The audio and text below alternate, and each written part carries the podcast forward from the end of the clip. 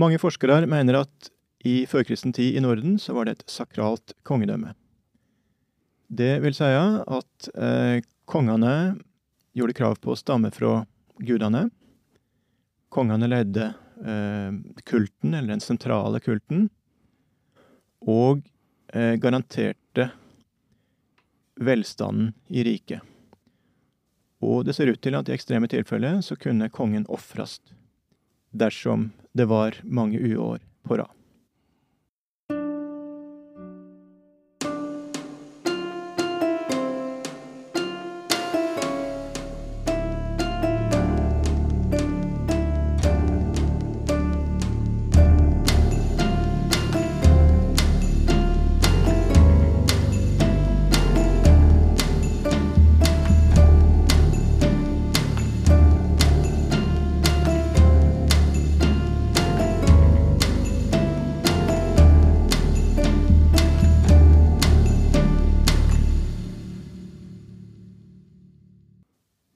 Velkommen til podkasten Tru og meining i gammel tid. Gjest i dag er eh, Olof Sundquist, Olle, som vi har hatt som gjest her før. Velkommen, Olle. Takk. Ja, eh, kanskje sier jeg helt kort i dag hva, hvem du er? Ja, eh, jeg heter altså Olof Sundqvist og jeg er professor i religionshistoria ved Stockholms universitet. Og eh, specialiserad på fornordisk religion och den här terminen så har jag sabbatstermin här i Bergen på religionsvetenskapliga institutionen. Ja, och du har, eh, du har jobbat med många ting, men eh, bland annat med, med det sakrala kongedömet. Kan du helt kort nå skissera eh, vad det gick ut på? Ja, eh, det sakrala kungadömet, det är ett Eh, komparativt eh, begrepp som omfattar olika aspekter utav härskandet och religion. Och en viktig aspekt som du tog upp, Eldar, är ju att kungarna betraktades eventuellt som gudar eller att de hävdade att de var gudar och det framkommer framförallt i genealogiska Eh, sammanhang där man räknade upp ätte ättesled bakåt i tid och ja, ända upp... Ättetavlor rätt och slätt? Ja, ättetavlor ja. ja. Ända upp till gudarna. Så det finns gamla skaldedikter från vikingatiden som eh, beskriver ynglingaätten och där betraktas enskilda ja, härskare som... Och det, det är kungarna i, i Uppsala och i Västfold kvart? Ja, det är precis. Det är Eh, en eh, eh, kungadynasti som kanske kom från eh, Mälarområdet och sen enligt tradition då skulle ha utvandrat till Norge. Och det är den ätten som ligger bakom Harald Hårfagres ätt, kallas för ynglingaätten. Ja. Och det är då i följe Snorre kongesagene, men, men his, his, historikerne mener jo nå at det där är ja, inte stämmer. Nej, det, det är antagligen en konstruktion. Ja. Men, men, att Harald Hårfagre var, hade basen sin i, i Rogaland, sydväst. Eh, ja, precis. Ja. Exakt. Men, men vi håller oss till den, Snorre-framställningen. Ja, det är Snorre, men det, Snorre bygger då på en äldre skaldedikt, Ynglingatal. Ja, nettopp. nettopp. Så, så, men när, och när det gäller religionshistoriska så spelar det ju inte någon roll var han nej, till. Nej, utan det är föreställningarna här och en viktig aspekt som kommer fram här, det är ju att man eh, hävdade då att man härstammade från gudarna och när det gäller ynglingaätten så är det framförallt guden Frö eller Frej som mm. vi kallar han i Västnorden. Fröj på norska. Ja, ja Fröj på norska. Ja. Så det, och, och, eh, men vi har liknande ättetavlor också för eh, Jalarna uppe i Tröndelag, Ladejalarna. Det mm. finns en gammal skaldedikt, Holöjgatal, som nämner att Håkon Jarl då skulle ha härstammat från Oden ja. och eh, via en mytisk gestalt Seminger och sen räknas Håkon Jarls förfäder mm. upp i den här dikten. Ja, Säming och då kan jag skjuta in alltså Hålögjatal, alltså det det, for, og det mener historikerne at um, jarlene på Lade, altså herskerne i Trøndelag, um, kom fra Nord-Norge uh, ja. og vandra sørover for å sikre och att maktbasen i utgangspunktet var eh, Kvitsjöhandeln, handel med, med Kvitsjön, att de flyttade sig söderut för att säkra skipsleia. Och då um, självklart också mer sånt för att få ett större rike, det vill härskaren gärna ha. Men, eh, men i alla fall Hålögatal, alltså som, som um, räknar upp släkta till mm. Ladejarlarna. Och ehm, eh, det är ju det här begreppet sakralt kungadöme omfattar ju flera aspekter och Eldar nämnde just att, att eh, kungarna kunde ha en roll i kulten. Det verkar som om de kunde förestå eh, kultplatserna. Ofta restes kultbyggnader och kultrekvisita fanns i de här kultbyggnaderna just på härskarens gård, på hans säte kan man säga. Och även här finns det bra skaldedikter som visar till exempel att Håkon Jarls far Sigurd jarl.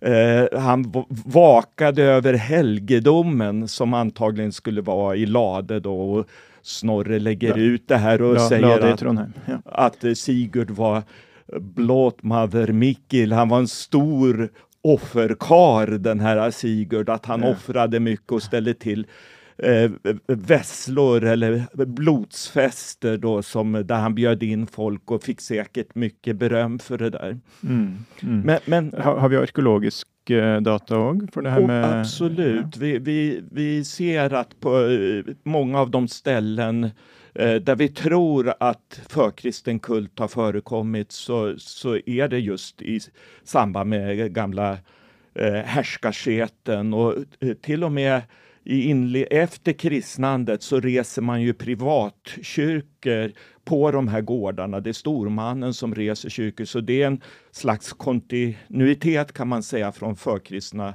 förhållanden. Mm.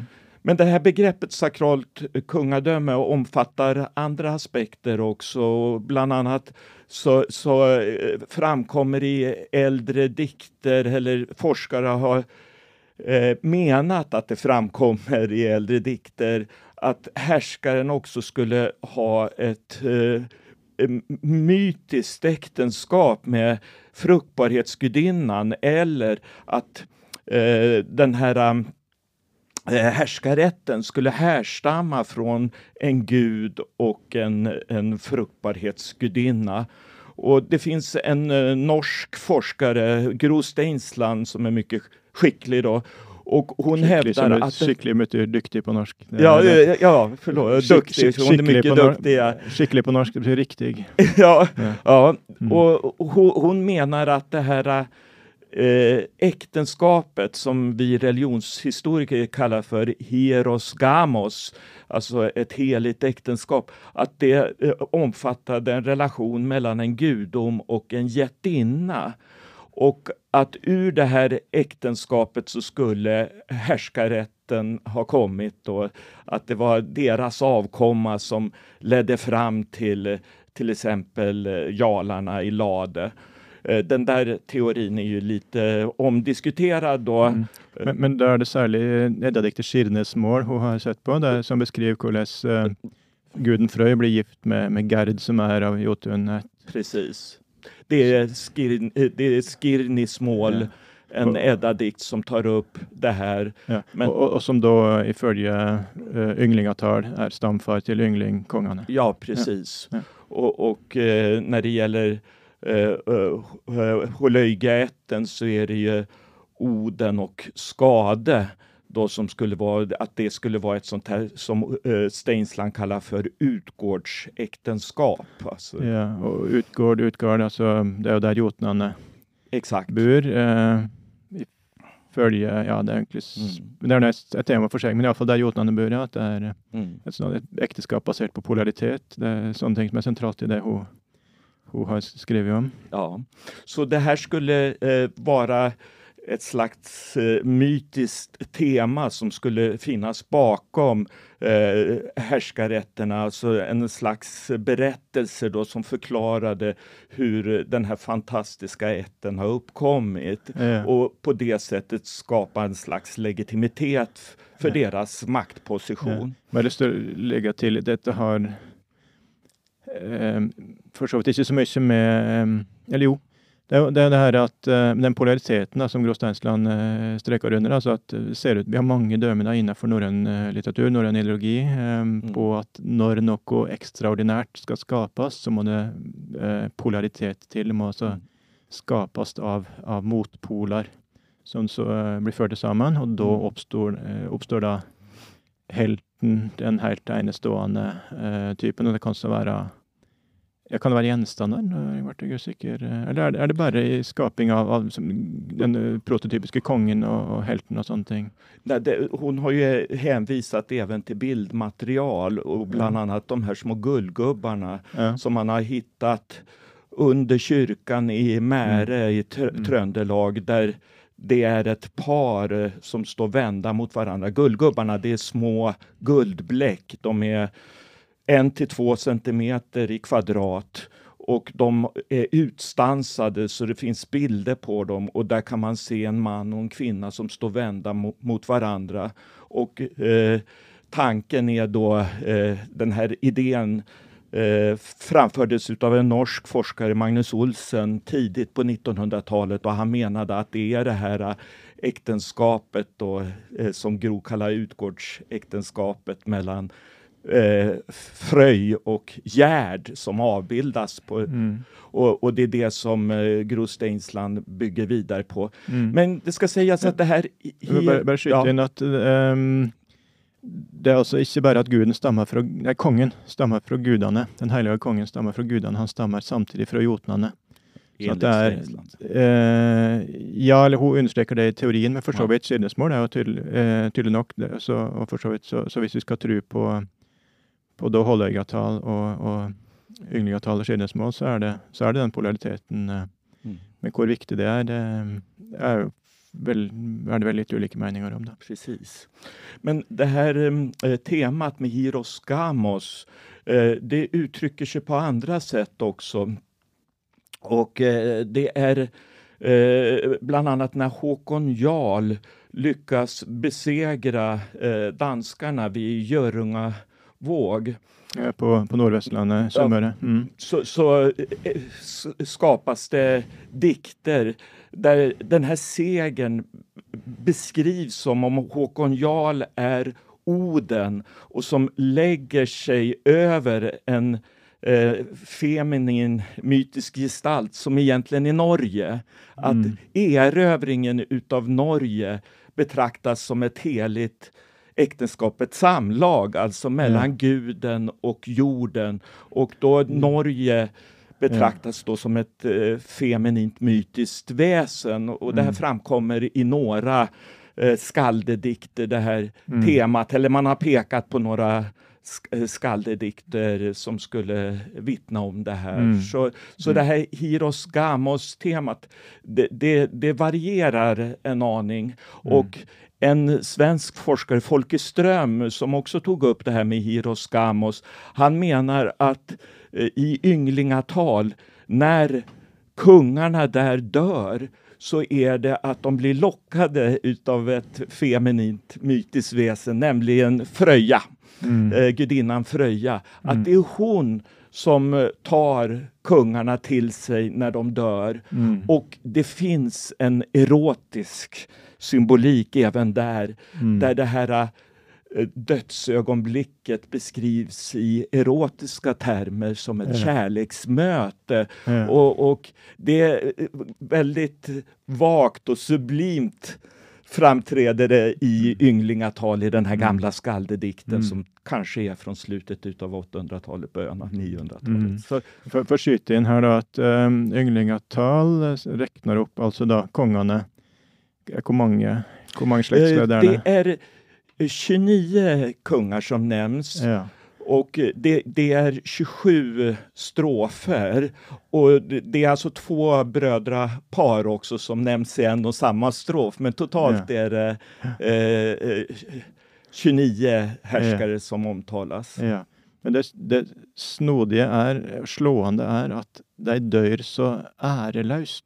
Ja, de det, det, er helt, Den ene blir spidda på en høygaffel av en træl, og så er det en ja. som drukner i en sånn kjempestort bryggekar.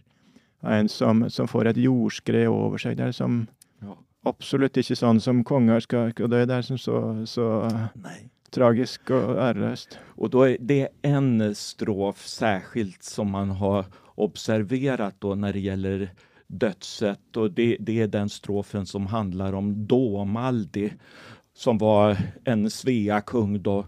Och enligt Snorres beskrivning, Snorre citerar nämligen ynglingatal i Mm. sin ynglingasaga, Ja. så nämner Snorre att det hade varit oår, dålig eh, skörd helt enkelt under Ja. flera år Mm. och svearna hade försökt med vanligt offer, människooffer Mm. och till slut så bestämmer de sig för att utföra ett offer av, av kungen. Ja. Så Domaldi offras och man tar hans blod och färgar stallen, Mm. podiet där gudabilderna stod Ja. eller altaret. Och, och det, här, det här finns antytt i ynglingatal. Där nämns det att eh, den ger inte en sån här eh, vidgad bild utav offret utan det Mm. nämns att svearna var äringssnikna. Argjarn, de var sugna på att få god äring helt Ja, enkelt. go- godt år, god avling. gott ja, ja, år. Ja. Och eh, det sägs att de offrade och då används verbet såa som kan betyda både slakta och offra. Mm. Eh, och att de färgar inte stallen utan jorden med Sta- Stall er noe slags altar eller pall Po- eller noe sånt. podium ja, av något slag. Mm. De färgar jorden med hans blod och det här har tolkats då som ett offer till gudarna, att man offrar Mm. kungen. Det är alltså Ja. ett eh, människooffer. Och det här Ja. har betytt mycket också i mm, sen, under senare år i bildkonst. Vi har ju en svensk eh, eh, nationalkonstnär, eh, Carl Larsson. Mm. Han har målat en muralmålning på Nationalmuseet eh, som skildrar just Domaldes död och han offras Mm. vid Uppsala templet. Mycket fantasifullt, men eh, Ja, det var- det var grandiost. Det var dessverre ingen fotografer til stades da, da do, Nei. Domalde ble ofra. Ja. Men, men dette er jo blant de, de æreløse dødsmåtene. da. Han blir ofra av, Av sitt, sitt eget, eget folk, Ja, ja. det Det- ganske det- stusslig. Och det där, Mm. en del menar ju att ynglingatal egentligen är en niddikt. Ja, ja det, er, eh, det er jo forska masse på altså, hvordan i alle dager en skal forstå det der. Det, Ja, det ja. er eh, ja, blant de fine utfordringene som vi har. i- Ja, det, det Skandinavien. här är väl det som eh, man har tagit upp då framförallt eh, när det gäller det här temat sakral kungadöme. Alltså att kungen eh, representerar gudomen, att kungen också utför offer och andra ritual, att han ingår i ett äktenskap med ett mytiskt väsen eller att han härstammar från eh, ett mytiskt äktenskap mellan en gud och en jättinna. Och så det fjärde elementet är just det här att han också skulle dödas, offras. Jag skulle kunna lägga till en aspekt till och det är ehm, eh, att de döda kungarna betraktades som en slags gudomar.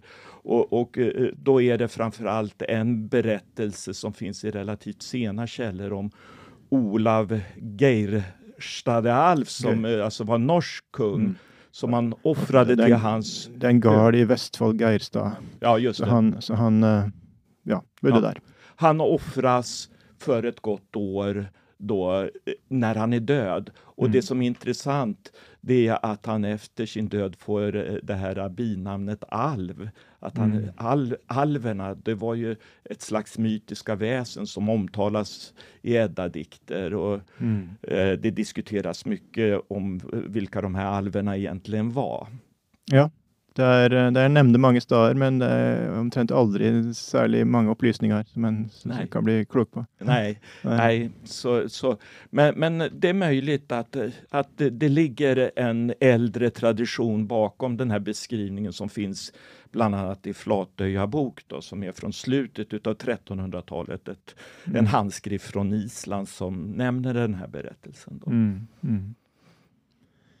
Ja, eh, kong Domald ble ofra, og da kan en jo eh, sikkert folk som sitter och lurer på ja vel, hvor, hvor sakralt eller hvor heilagt var det kongedømmet hvis en kunne ofre kongen sånn? Da skulle en tro at kongen var ukrenkelig. Eh, så, så, men det er litt av det som vi har vært inne på her i podkasten. Altså at en, det er en an, annen tankegang innenfor norrøn religion. altså Det er den her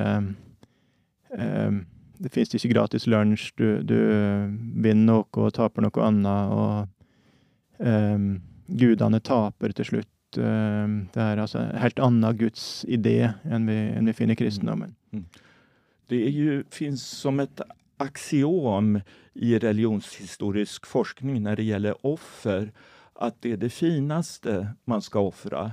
Inte det sämsta, utan det är att man ska offra eh, den första mm. kalven mm. som föds på mm. våren och så vidare. Och, och eh, skör, eh, vid skörd mm. så ska man offra eh, det finaste och eh, det här det, det, det, faller in i ett mönster som är logiskt när man tittar på det här ur ett, eh, en bredare synvinkel. Mm. Sen har det spekulerats mycket kring offer, begreppet offer och eh, på 1800-talet så menar man att offer, det handlade om Eh, egentligen, det man offrade, det var en representation utav guden själv.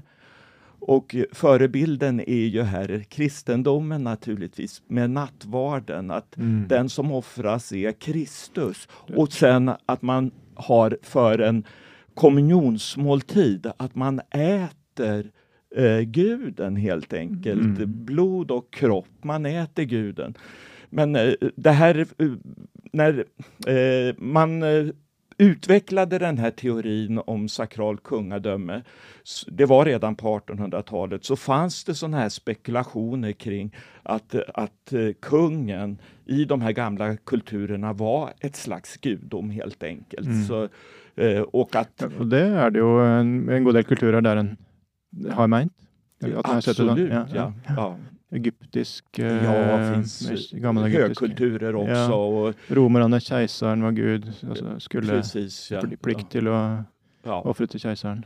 Ja, det finns i princip över hela jorden det här. Det, det är mm. några få arktiska samhällen där det inte förekommer. Eh, men, men eh, sydamerikanska indianer har vi det mm. hos aztekerna, inka och så vidare. Så det, det, finns över hela jorden det här tematiken. Så, så eh, det är slående det här att, att eh, kungarna i det religiösa språket så, så får kungen en slags identitet med guden.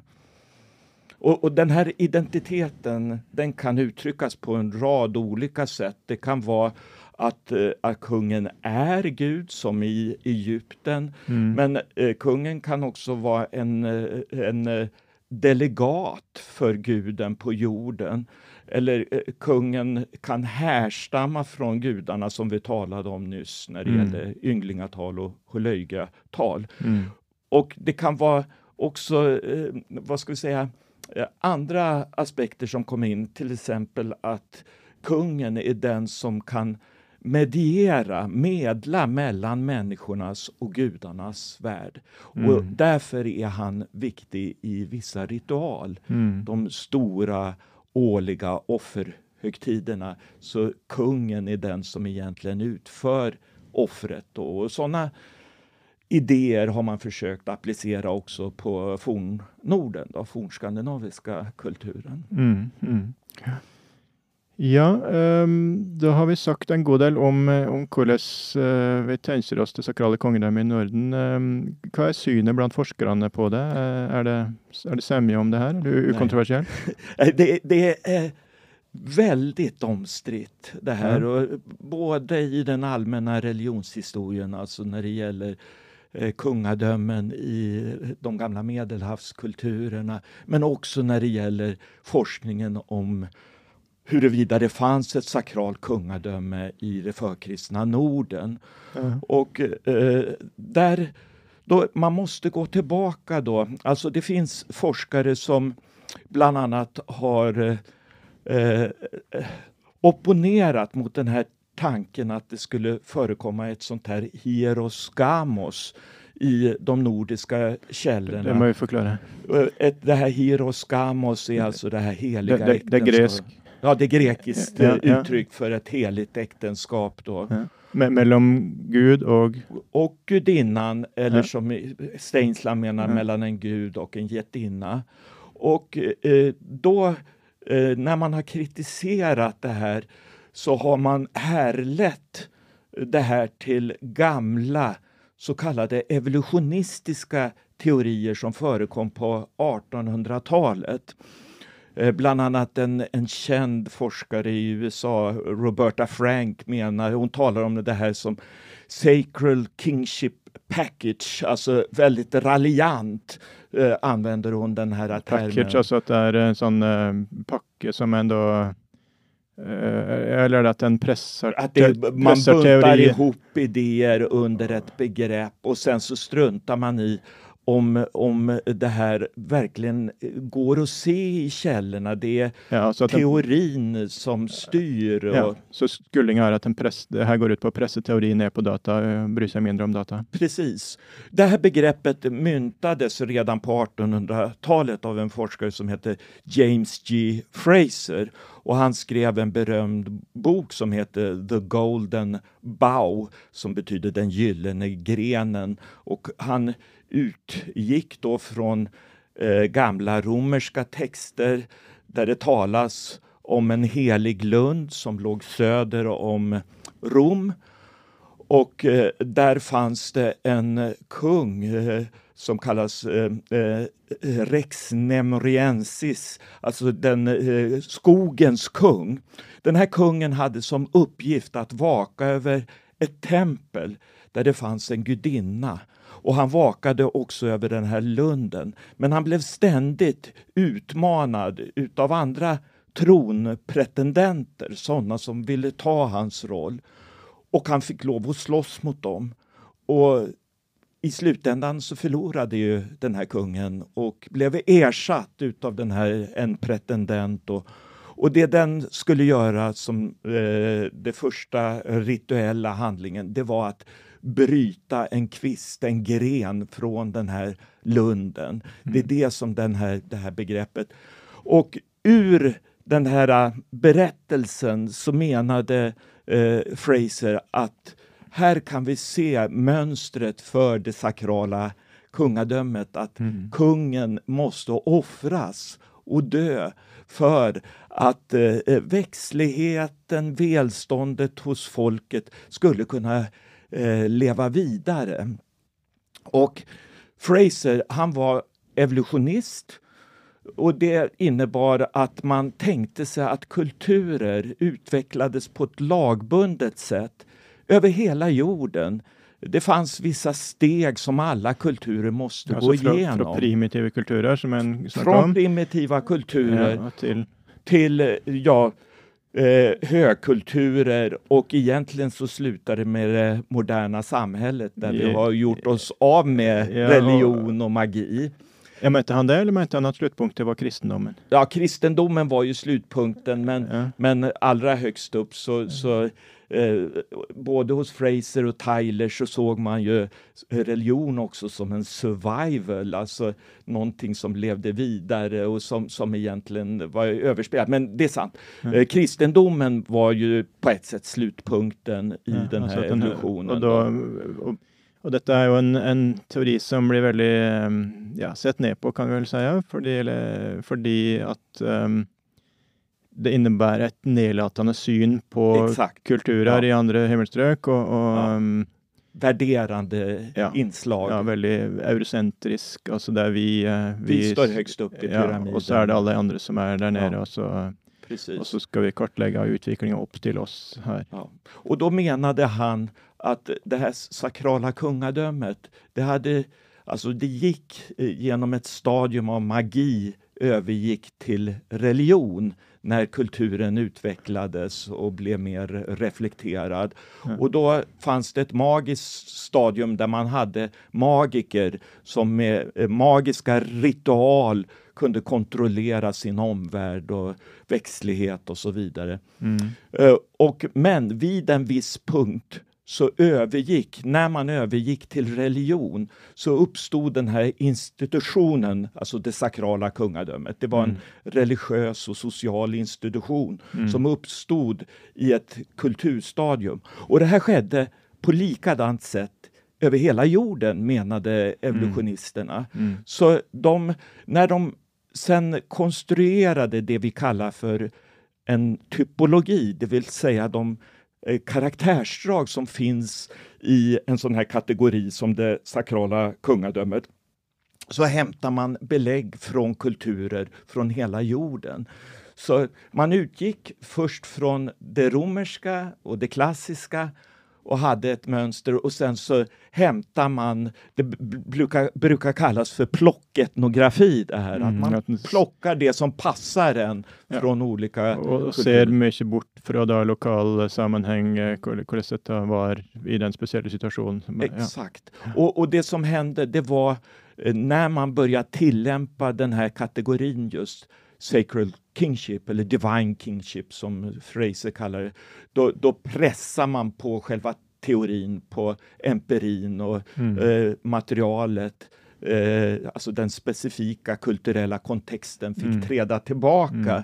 medan de här särdragen, det här med kungaoffret, alltså att offra kungen, att kungen var Gud, att kungen också var präst eh, och att han firade ett heligt äktenskap det här, det vill man se i sina källor oberoende mm. om man tittade på ja. Mexiko eller fornorden. Eller... Väldigt starka briller på som gjorde att den ja, såg, såg den, eh, den önskar så. Och, och det har mm. bidragit tror jag till den här lite raljerande, föraktfulla synen som finns kanske som jag ser framförallt kanske hos litteraturvetare och filologer som har ja. ägnat sig åt... Ja, för du är religionshistoriker? Jag är religionshistoriker ja, din... och van att jobba komparativt. Och jag, jag menar att vi behöver de här komparativa begreppen för att rama in ett område av kulturen som vi vill studera. Mm. Och de här begreppen kan också hjälpa oss att ställa frågor mm. till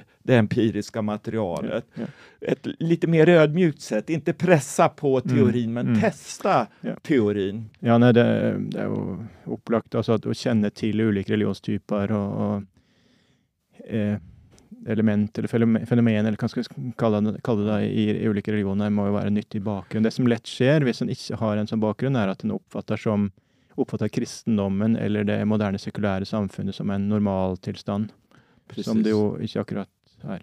Ja, precis. Ja, ja. Så, så, eh, just det här evolutionistiska arvet har ju funnits i den här debatten, i den här diskussionen. Då. Så, så det är helt uppenbart att eh, forskare som Roberta Frank, Margaret Clunies Ross, Lars Lönnroth, alla väldigt skickliga forskare Dyktiga. som sysslar ja. med, med gamla skaldedikter och, och nordiskt material. Mm. De avvisar eh, den här, dess förekomst. De tittar på källmaterialet och tycker att det finns eh, inte tillräckligt med belägg för att vi ska kunna tala om ett sakralt kungadöme i Norden. Mm. Medan forskare som har eh, ett mer komparativt tillvägagångssätt och som kanske också ser hur man kan tillämpa en sån här kategori som Sacred Kingship då, på ett källmaterial, hur vi ska mm. jobba. Att eh, eh, de, den typen av forskare, jag kan nämna Folke Ström, Åke Westström, Jens Peter Schött och Gro Steinsland, de har tycks se ett sakralt kungadöme då mm. i mm. Norden. Som, mm. Och naturligtvis så finns det ett stöd för att det här är ett vanligt förekommande fenomen, inte bara i Norden, utan det mm. finns nästan i andra, alla kulturer. Då. Det är mm. vissa områden som det inte uppträder i. Då. För kanske säga att det, det, är väl fördelar och olämpor med alla tillnärmingar, alla bakgrunder en kan ha, så är det ja. eh, vanskligt att få få alt på en gang. For det, det er filologene du nevner, at ja, ja, da mangler det gjerne den komparative religionsbakgrunnen, men, men kjenner jo kjeldene og, og eh, språket og språkutvikling og sånn gjerne ja. bedre enn en, ja.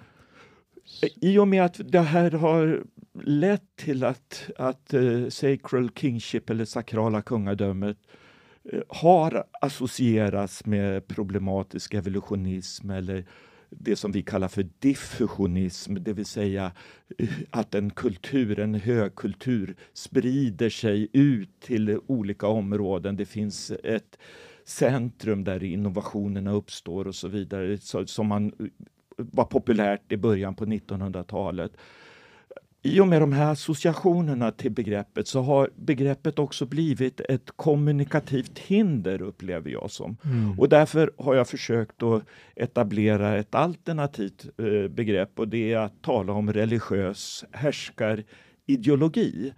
Mm. Och då eh, menar jag att det här begreppet ideologi, det har egentligen två sidor. Å ena sidan så syftar det på att i ett samhälle så har man ett visst samförstånd eh, kring hur en makt eh, ska konstrueras och vad den ska omfatta och vilka plikter makten har gentemot folket. Mm. Alltså den legitimeras underifrån, från eh, gruppen, kollektivet.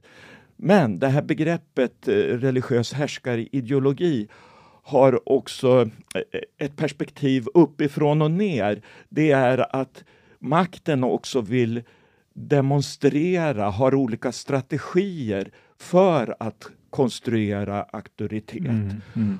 Och eh, det, det, här synsättet det är ju aktuellt i alla kulturer och även idag. Ja, ja. Hur, hur, får Putin legitimitet till exempel för det krig han för? Han har en Mm. Väldigt kraftig propaganda, styr media och så vidare. Mm. Och i de här... Och propaganda var det ju en gammal tid men på andra... Propaganda fanns ja, i äldre tider och det Skal, vi kan skaldane, se... Hirdskaldane, kongen hade ju skaldar som skulle dikta lovkveje, lovkvad som skulle Exakt. gå från mun till mun och, och prisa kungen. Ja. ja. och vi kan se att de här nämnda dikterna, ynglingatal och hur löjliga tal skulle mm. kunna ses som en del utav mm. Härskarnas propaganda.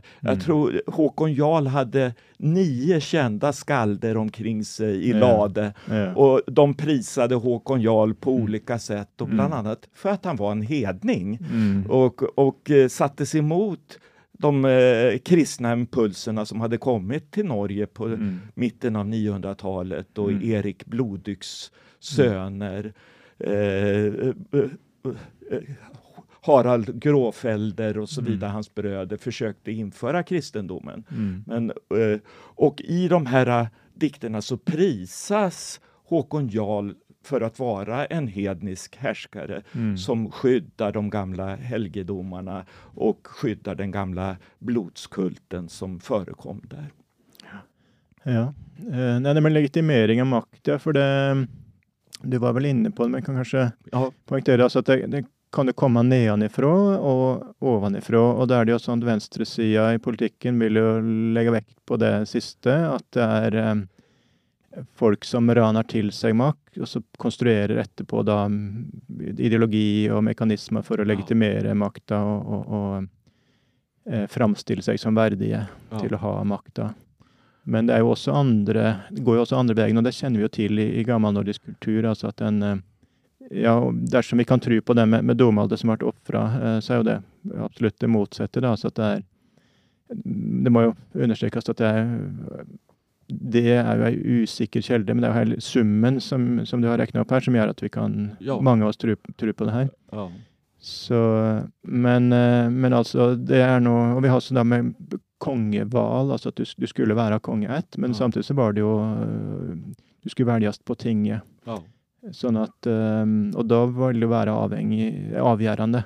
Alltså vad du hade av karisma och, och demonstrerte av evner, ja, eh, resurser, ja. resurser du hade i ryggen och sånt. Och, och det ville vara intressene till folket och för att få ett stabilt eh, ja, stabilt regime, mm. stabilt samfunn.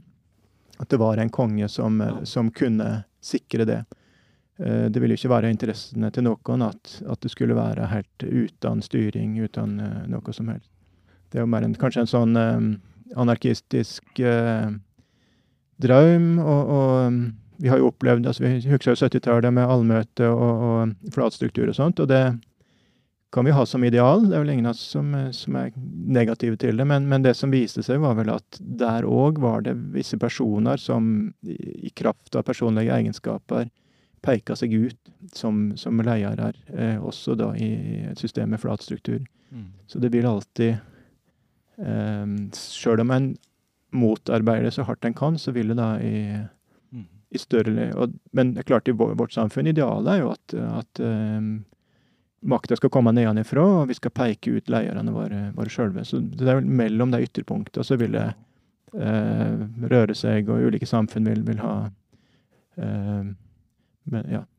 Jo, och, och, jag har lagt eh, tyngd på det här begreppet legitimering och det är ett, ett begrepp som en forskare som hette Max Weber eh, han levde i början på 1900-talet och han, han var intresserad av hur auktoritet skapas och just den här eh, legitima auktoriteten. Och vad fanns det då för källor Eh, till en eh, legitim auktoritet eller makt? Och han pekade då dels på den här karismatiska legitimiteten, det är att en person har den utstrålningen och den framgången.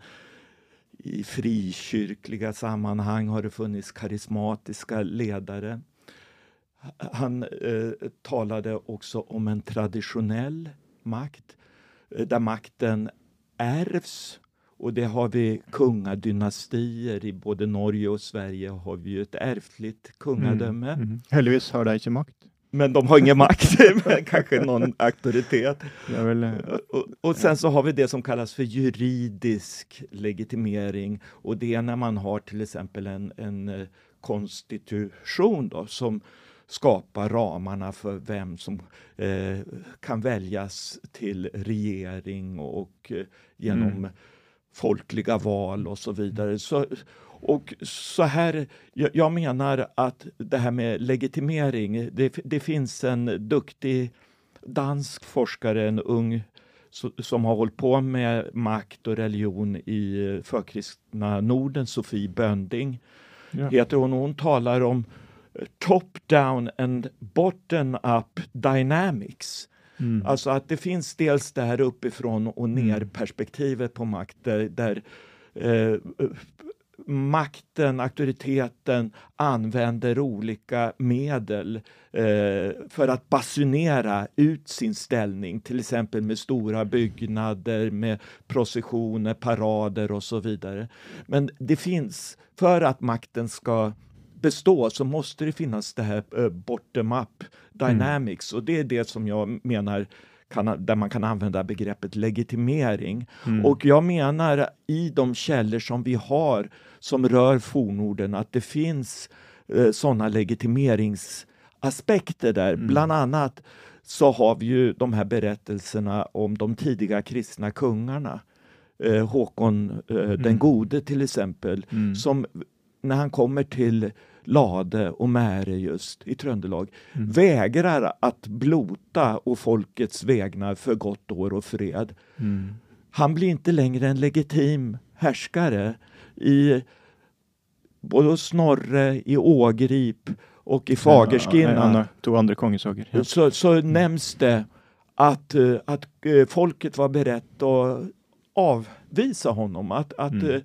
Avsätta honom från tronen om han inte utförde sin mm. eh, kungliga plikt, mm. nämligen att utföra offret åt folkets vägnar. Mm. Och där kan vi återigen se hur mm. viktigt det verkar i den här mm. Eh, sakrala kungadömets ideologi att kungen är den som medierar mellan människor och gudar. Mm. Mm. Och där, vi har flera berättelser och visserligen eh, de här är, det är prosa, det är medeltida texter men vi har de här uppgifterna hos Adam av Bremen och det finns i andra texter också som vittnar om att de här tidiga kristna kungarna som inte ville utföra blodet, att de kunde bli avsatta. Mm. Och det mm. finns, finns en, eh, som jag tror, en historisk uppgift om en anunder i mm. Uppsala som mm. vägrar mm. offra, som blir avvisad. Och... Ja.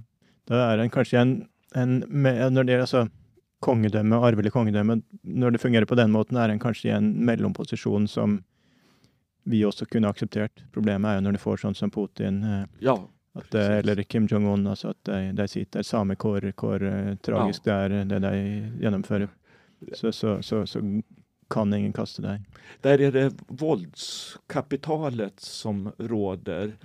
Eh, eh, Folk är rädda för repressioner helt Mm. enkelt om man opponerar sig mot och, eh, makten. Då. Så, så, och jag tror att eh, sådana här eh, våldsstrukturer i eh, skapandet Mm. av auktoritet är ohållbara.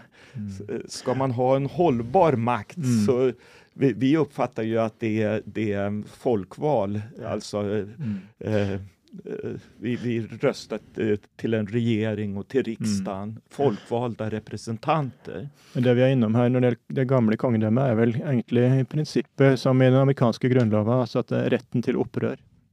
Ja, precis. Ja, som, Det er et, eh, et styre som har valgt, men, Ja. men, men dersom det blir vanstyre, så har vi rett til å gjøre opprør. Og dessverre Hvis det er noe som gjør opprør nå, så er det kanskje ikke det vi ønsker oss, men, men prinsippet er jo eh, Prinsippet er vel godt. att, eh, att ordet är fritt helt enkelt, men att det behöver ta våldsamma uttryck är ju diskutabelt. Och, Ja. och, och vilken grund de här upproren har, om de bygger på eh, vad är det som ligger bakom då? Som, Ja, om det, jag förstår vad du om det, syftar om det, på. om det bygger på, på data eller, eller fantasier. Ja, precis. Ja. Ja. ja ja, da har vi rota oss langt ut på viddene her Ja. eh, på slutten.